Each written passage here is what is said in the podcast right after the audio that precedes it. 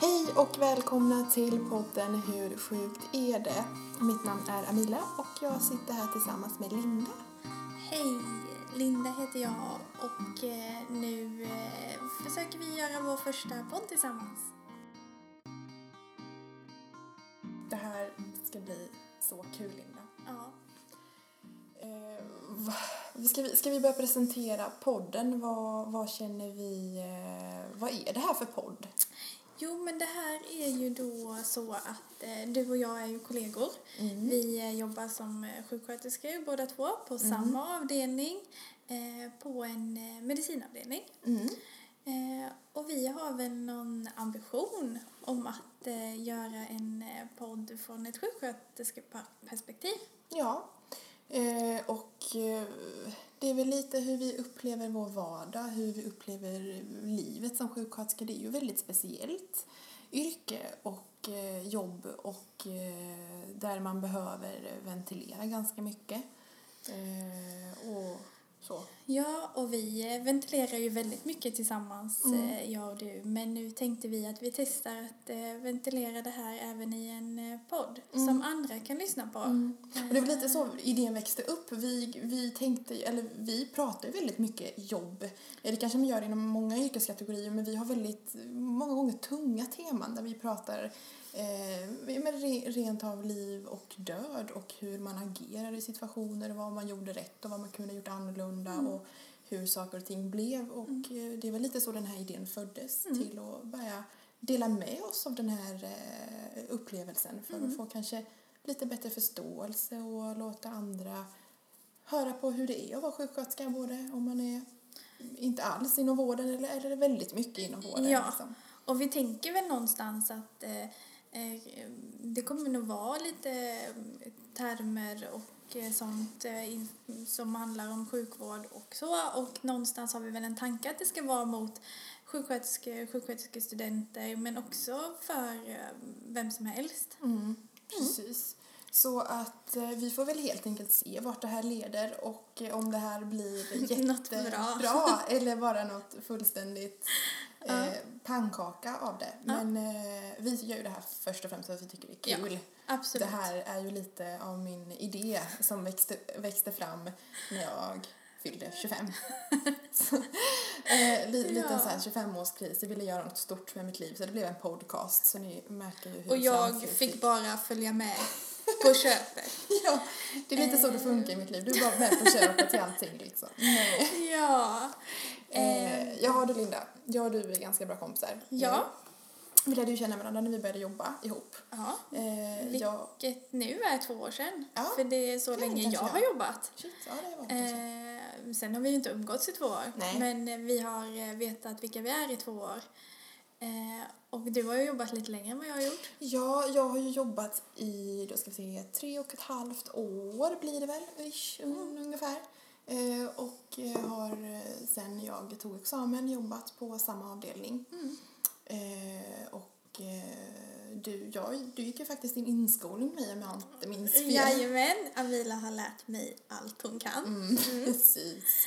Eh, och många andra av mina kollegor naturligtvis. Men mina första stapplande steg tog jag tillsammans Det med faktiskt. Okej, när vi ändå är inne på det här. Vad Ja. tycker du är viktigt eh, hos en handledare? Alltså just om man tänker liksom sjuksköterskeperspektiv. Vad, vad var viktigt för dig som nyexad sköterska? För jag tänker vi kanske har lite, ny, lite sköterskestudenter som lyssnar på detta. Eh, vad upplevde du liksom är bra? Alltså rent objektivt, vad tycker du är bra och viktigt hos en Ja. handledare och vad är mindre bra eller sådär? Alltså det där är ju så himla svårt för jag gick ju i någon eh, typ av eh, eh, liten eh, bubbla mina första månader på, som färdig sjuksköterska. Alltså man kommer in ut till en helt ny värld där man inte riktigt vet vad man har gett sig in i förrän man är där.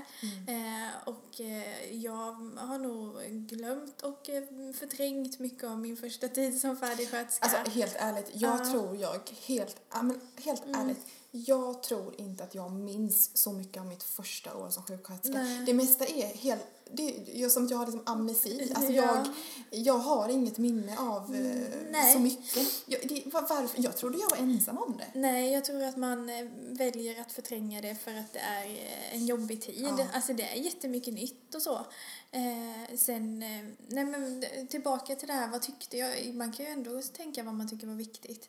Ehm, alltså mycket stöd, jag tror bara att man behöver jättemycket stöd och Mm. förståelse. Jag tror att det är det viktigaste.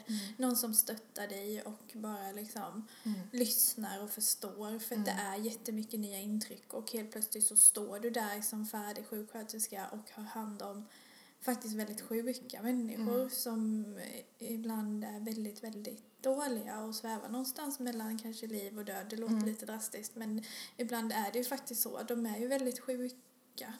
Du började din inskolning hos oss när vi hade väldigt sjuka eller ganska dåliga patienter ändå. Eh, som du hade hand om då tillsammans med mig. Ja, jag tänker ju det men jag vet inte om jag bara... Men det var det. För jag, för jag Eh. minns så väl att vi hade en ganska lugn period innan och sen när du började någonstans där så blev, kom det in ganska mycket sjukt liksom. Eh, och då eh, vet jag att jag kände att jag sa till dig, men jag kommer säkert inte ihåg, men att jag sa att det här är mycket. Jag minns bland annat en av våra enkelsalar där som, jag bara har en liten f- minne av att eh, hur du stod där inne med sond och CVK och eh, hej och hå. Ja, alltså det är mycket man kommer ut till. Ehm, ja, men eh, ni vet lite kort eh, vilka vi är. Ja, Eh, och eh, förhoppningsvis kommer ni ju eh, lära känna oss bättre. ja, det är väl ambitionen. Eh, ja, och ehm, vi tänkte också berätta lite var vi befinner oss. Ja, men jag, Eh, jag, jag, vi lyssnade på lite andra poddar. Ja. Och många gånger så berättar de ju att ja, det är väldigt intressant att veta var man sitter, hur ser miljön ut där man spelar in. Och, eh, så vi tänkte faktiskt eh, berätta det. Eh, vi sitter eh, hemma hos Linda i hennes vardagsrum med en kopp kaffe med Ja, min är ju med mjölk och Lindas är mer mjölk med kaffe. Hon, hon har säkert fem deciliter liksom. Men ja, lite tända ljus. Ja. Nu är det juletider, lite allmänt julmys. Ja, med jag lite, har ju försökt julpynta här ja, jag lite. ser det. är ju lite änglar här och var. Hur har din natt varit? Ja, eh, jag har ju då eh, gjort eh, två nätter nu. Vi jobbar ju båda två på tre skift, så vi jobbar Mm. dag och kväll och natt. Och jag har jobbat två nätter nu och har gått av dem. Så jag är lite trött, men eh, det brukar man vara när man ska Ja, men försöka alltså vända jag, tillbaka. jag har ju jobbat kväll dag så jag är ju också trött. Ja, Men jag är ju trött liksom av natur. nat- Av det naturen. är nog jag med. Så det, men det här ska bli bra. Jag Jo. lider av kronisk trötthet. det tror jag. Jag skulle behöva liksom en dos Betapred varje morgon. Ja, jag funderade på att ta det i natt faktiskt. För att jag Men hade ju jobbat Nej, en, eh, en natt innan och sovit jättedåligt. Jag hade haft eh, någon fastighetsskötare här i min lägenhet som hade väckt mig och eh, Mm. Sovit. Vad gjorde eh, han här? Han kollade några ledningar och rör. Jag vet inte. Jag, jag stack ut huvudet från mitt sovrum och sa Hej, jag jobbar natt, jag sover. Och då svarade han Ja, ja, gå och lägg dig så låser jag efter mig när jag går. Okej, hej. Eh, så jag vet inte vad han gjorde här. Nej. Men eh, Något gjorde något han. gjorde han väl. Ja. Eh, men ja, så då hade jag sovit väldigt dåligt. Jag blev väckt av honom och sen kunde jag inte riktigt somna om och jag Mm. vaknade mycket tidigare än vad jag brukar. Eh, så att alltså jag gick i någon... Alltså jag var så trött. Jag brukar, ändå inte, jag brukar kunna sova bra på dagarna och inte vara trött på natten. Mm. Så att jag övervägde där ett tag att eh, vad kan jag göra för att bli pigg förutom att dricka kaffe. Mm. Då var Beta Pred ett alternativ. Mm. Men var Hade, ju du, hade inget- du detta då hemma? Nej, jag hade ju inte Nej. det. Så att det var ju inget alternativ. Men tanken slog mig Ja. eh, att eh, Betapred hade varit bra. alltså men ibland- jag skulle ju aldrig göra det i verkligheten. Ibland bara tänker man. Och, ja. Men det är många gånger man har tänkt sig shit, eh, det hade varit roligt att testa. Ja. Ta en eh, liksom Betapred, Ja, 8 men se milligram. hur... eh, Sluka per oss. Ja, hur pigg man blir av det liksom. Ja. Eh, om det verkligen har den effekten som man tänker att det ska ha. Alltså, vi delar ju rätt mycket kortison Ja, till och från på vår arbetsplats. Och vi har ju sett en del, Ja, fått ganska ja. mycket, höga doser kortison. ja, och, och varit ganska speedade. ja. Det är lite, jag vet inte Ja. om man ska skratta eller gråta ibland. Alltså, ja. Ja. Nej men det som sagt, det hade varit roligt om man kunde testa på det. Ja. Ja, Okej, du har Eh, sovit dåligt. Ja, jag har sovit dåligt. Eh, utöver att eh, jag var väldigt trött så gick natten bra. Jag hade mycket att göra och vi har pratat en del om min natt. Mm. Jag vet inte hur ingående vi ska gå på det här men vi. Du hade lite medicinsk-tekniskt strul Ja, kanske? det kan man eller- säga. Svåra grejer som jag inte riktigt har handskats med tidigare. Mm. Eh, som jag skulle försöka göra där på natten. Och det brukar ju oftast gå bra. Man har ju undersköterskan som finns med en och stöttar en. Och, eh, vi är ju alltid två sjuksköterskor på avdelningen på natten men man har delat upp patienterna. Och, Mm. Så, så man har ju alltid stöd men det är alltid lite eh, skräckblandad förtjusning när man eh, ska göra nya grejer som Mm. man inte har gjort innan. Mm. Eh, och någon dålig patient som behövde ganska mycket hjälp och Mm. eh, medicinsk eh, omvårdnad. Mm. Mm. Så. Men eh, annars var det bra. Natten gick snabbt. Ja, det, de gör ju det i sådana Ja. situationer. Ja. Och det är ju faktiskt rätt intressant hur man alltid ska finnas alla till lags, både fysiskt och ha kompetensen redo alltid Mm. liksom. Eh, och hur man förväntas bara kunna saker och bara lösa det Mm. och bara fixa det. Och det är egentligen helt eh, fantastiskt hur man faktiskt de allra, allra flesta gångerna eh, löser saker och ting men ibland Ja. så går det inte. Och sen så har vi ju alltid eh, det finns ju alltid läkare att rådfråga. Sen så finns det ju vissa saker som är min kompetens som jag förväntas kunna Mm. och som faktiskt inte läkarna kan. Alltså hur man hanterar läkemedlen är ju inget eh, läkarna har koll på utan det är ju våran uppgift. Mm. Men de finns ju alltid som stöd och eh, jag hade en eh, mycket Ja, de, trevlig de vet ju inte läkare droppräknare funkar liksom. Nej, precis. eh, så att, eh, ja, vi har överlag väldigt bra läkare. Ja, ja det är de ju. Okej Lilla, nu har jag förberett tre frågor som jag vill att du ska svara på och motivera ditt svar. Okej. Eh, De är ju eh, sjukhusrelaterade. Okej. Och det här är lite mer så här, ja men lite skoj, lite, ja men eh, dilemman kanske Ja, som vi spännande. faktiskt stöter Ja. på i, i vår Ja. vardag. Jag är inte alls förberedd på det Nej, här. så att, det- Lilla vet ju inte alls om vad det här är för frågor. Så nej. att eh, jag tycker bara att eh, vi kör Ja. på första. Mm. Jag är redo. Okej, du är redo? Ja. Mm. Fråga nummer ett. Ja. Eh, vad tycker du är svårast? Att hantera oroliga eh, och frågvisa eh, anhöriga eller att diskutera med en motstridig kommunsjuksköterska? Alltså att ni tycker olika i en sakfråga. Eh, vad tycker du är svårast att hantera i din sjuksköterskeroll? Ehm, rent spontant så känner jag eh, anhöriga. Varför? Eh, och det är för att det är lättare att prata med en, eh, en kommun, kommunsjuksköterska eh, för att de har en eh, sjukvårdskunskap som inte alla anhöriga har. För att det är ju människor som jobbar med vad som helst. Eh, Så att det är lättare att motivera och diskutera med en eh, sköterska som eh, förstår situationen. Övertala henne till att du Eh, har rätt. Att jag har rätt. än att eh, ibland prata med anhöriga som inte riktigt förstår eh, varför man gör som man gör. Eh, för det är svårt att sätta sig in i en situation där ens eh, man, pappa, mamma, vad det nu än är, är väldigt sjuk och så ska du försöka eh, få dem att förstå hela situationen. Och då är det lättare att få en eh, kommunsjuksköterska att förstå, tror jag. Mm. Eh, men det är svårt båda två. Det, man möter mycket utmaningar i både att prata med anhöriga och med eh, andra sköterskor i andra, eh, på andra ställen.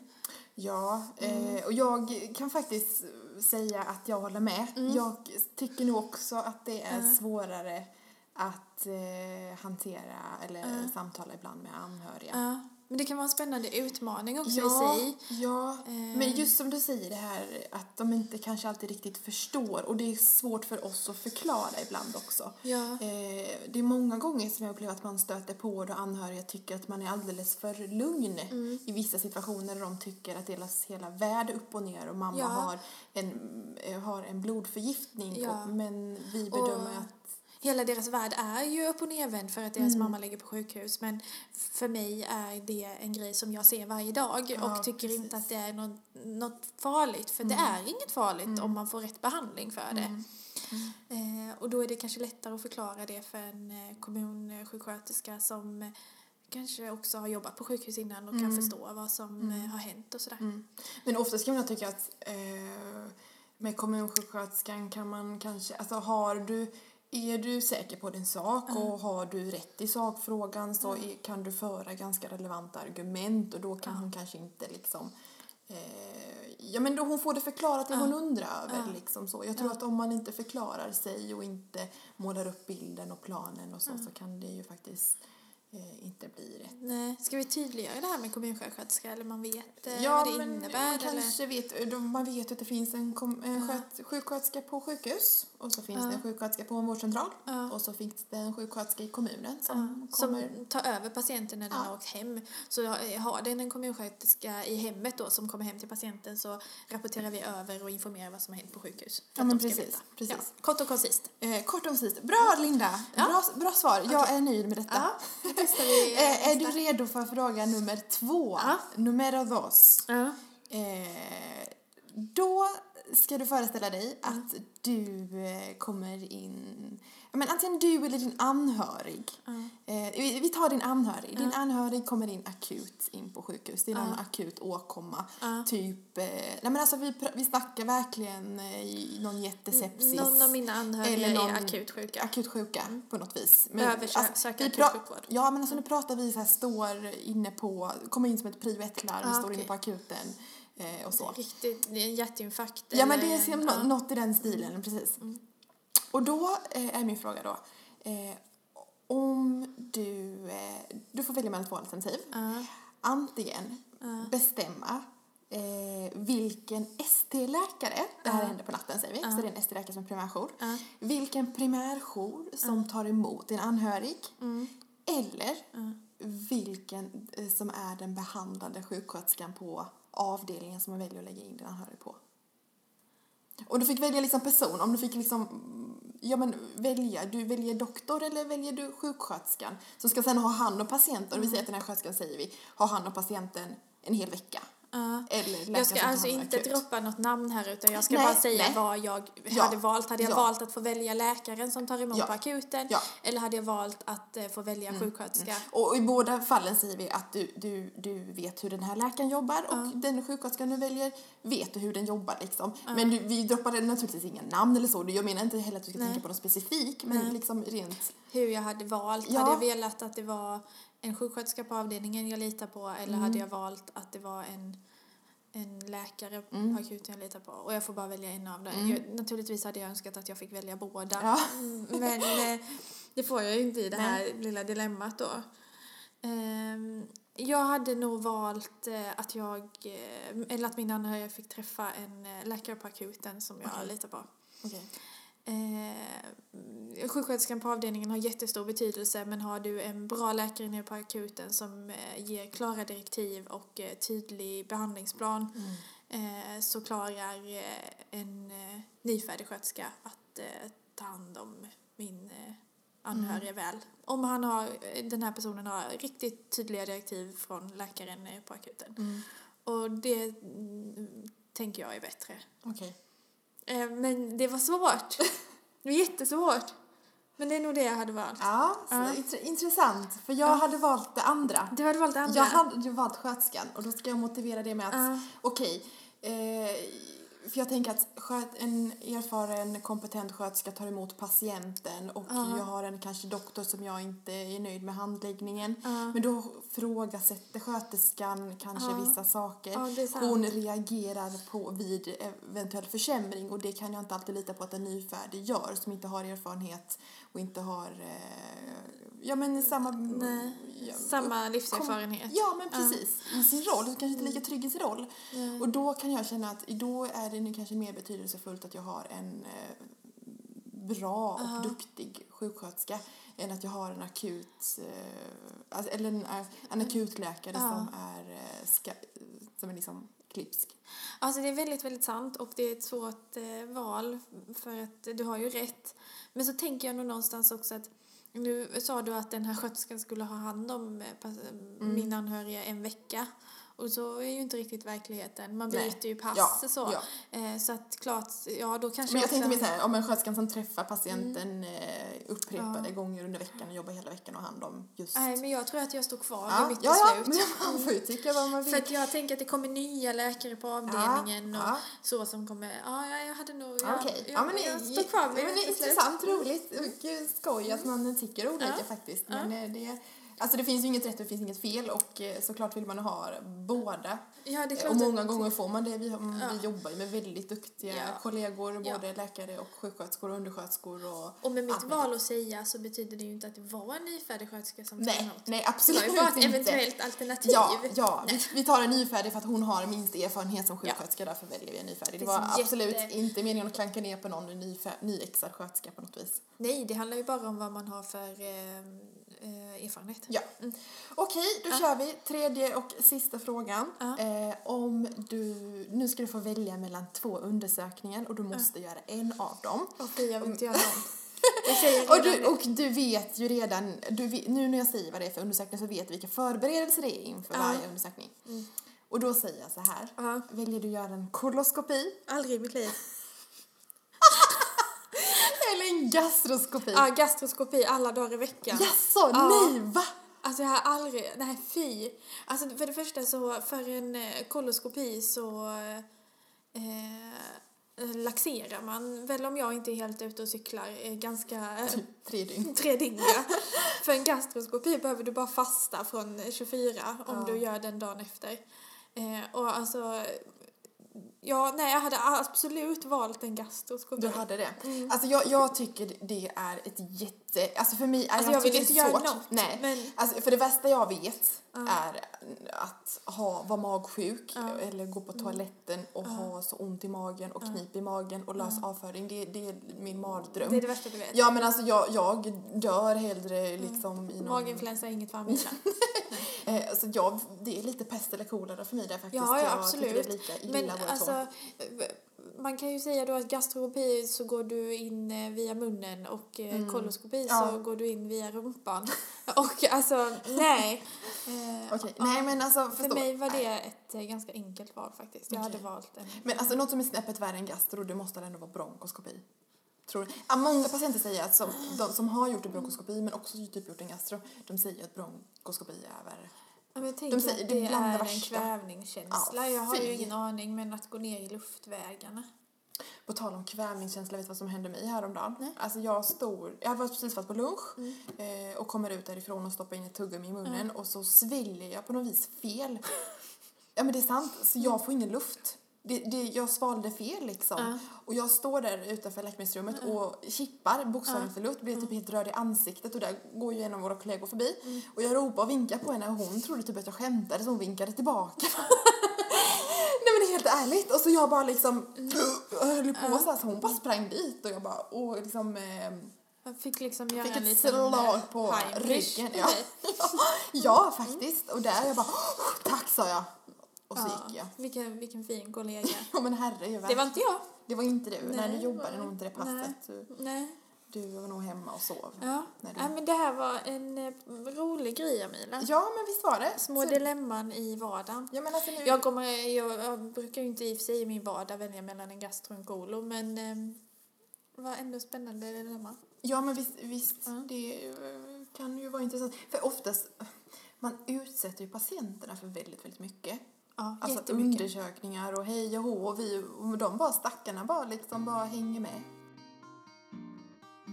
Det jag brukar tänka, eller det, den frågan jag brukar få är hur klarar man det som sjuksköterska? Hur, eh, oavsett om man kan jobba med det här eller inte så ser man väldigt mycket, man är med om väldigt mycket. Det är ganska pressade situationer på många sätt.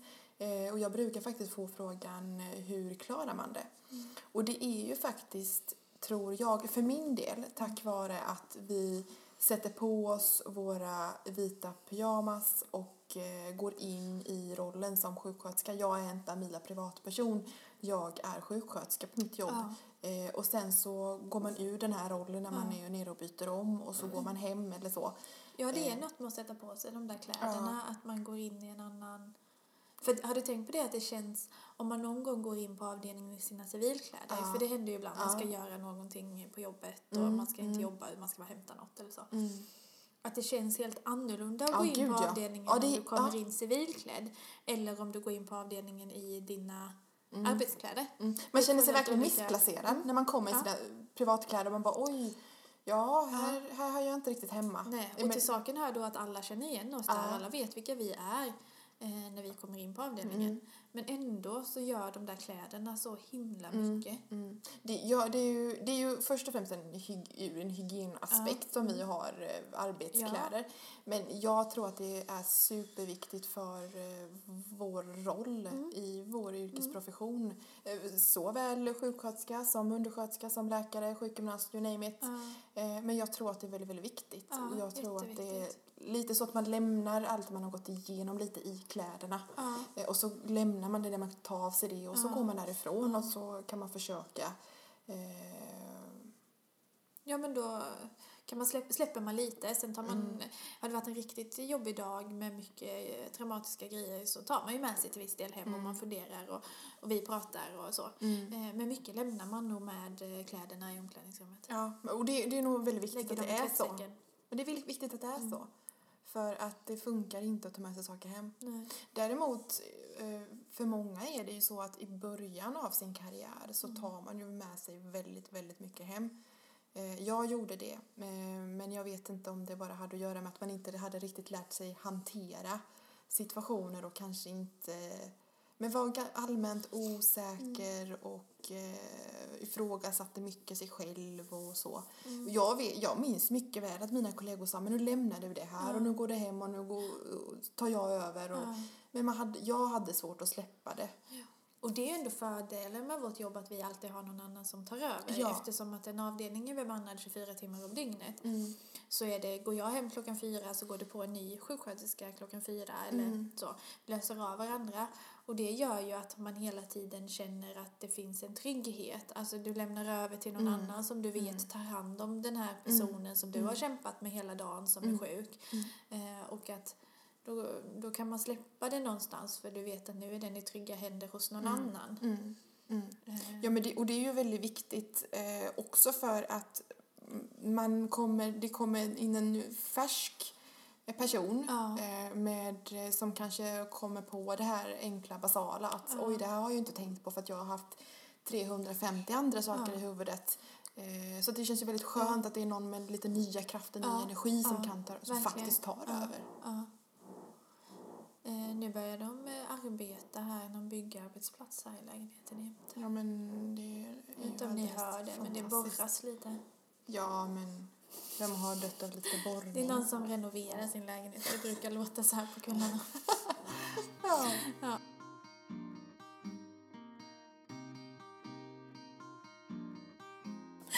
Nu är det slut för idag, Linda. Ja, nu är det slut. Tänk Eh, vad bra det gick. Ja, det Nej. kanske. Det får vi se. Vi får se. Vi ska ju lyssna på det här nu. Ja, Ja. Eh, vi, vi är tacksamma om ni eh, hör av er till oss. Vi har en mejladress och den är hur sjukt är det at outlook.com så eh, hör jättegärna av er om det är någonting ni vill inflikna med. Så ja, vi säger tack och hej för denna gången. Tack så jättemycket. Ha Hej det gött!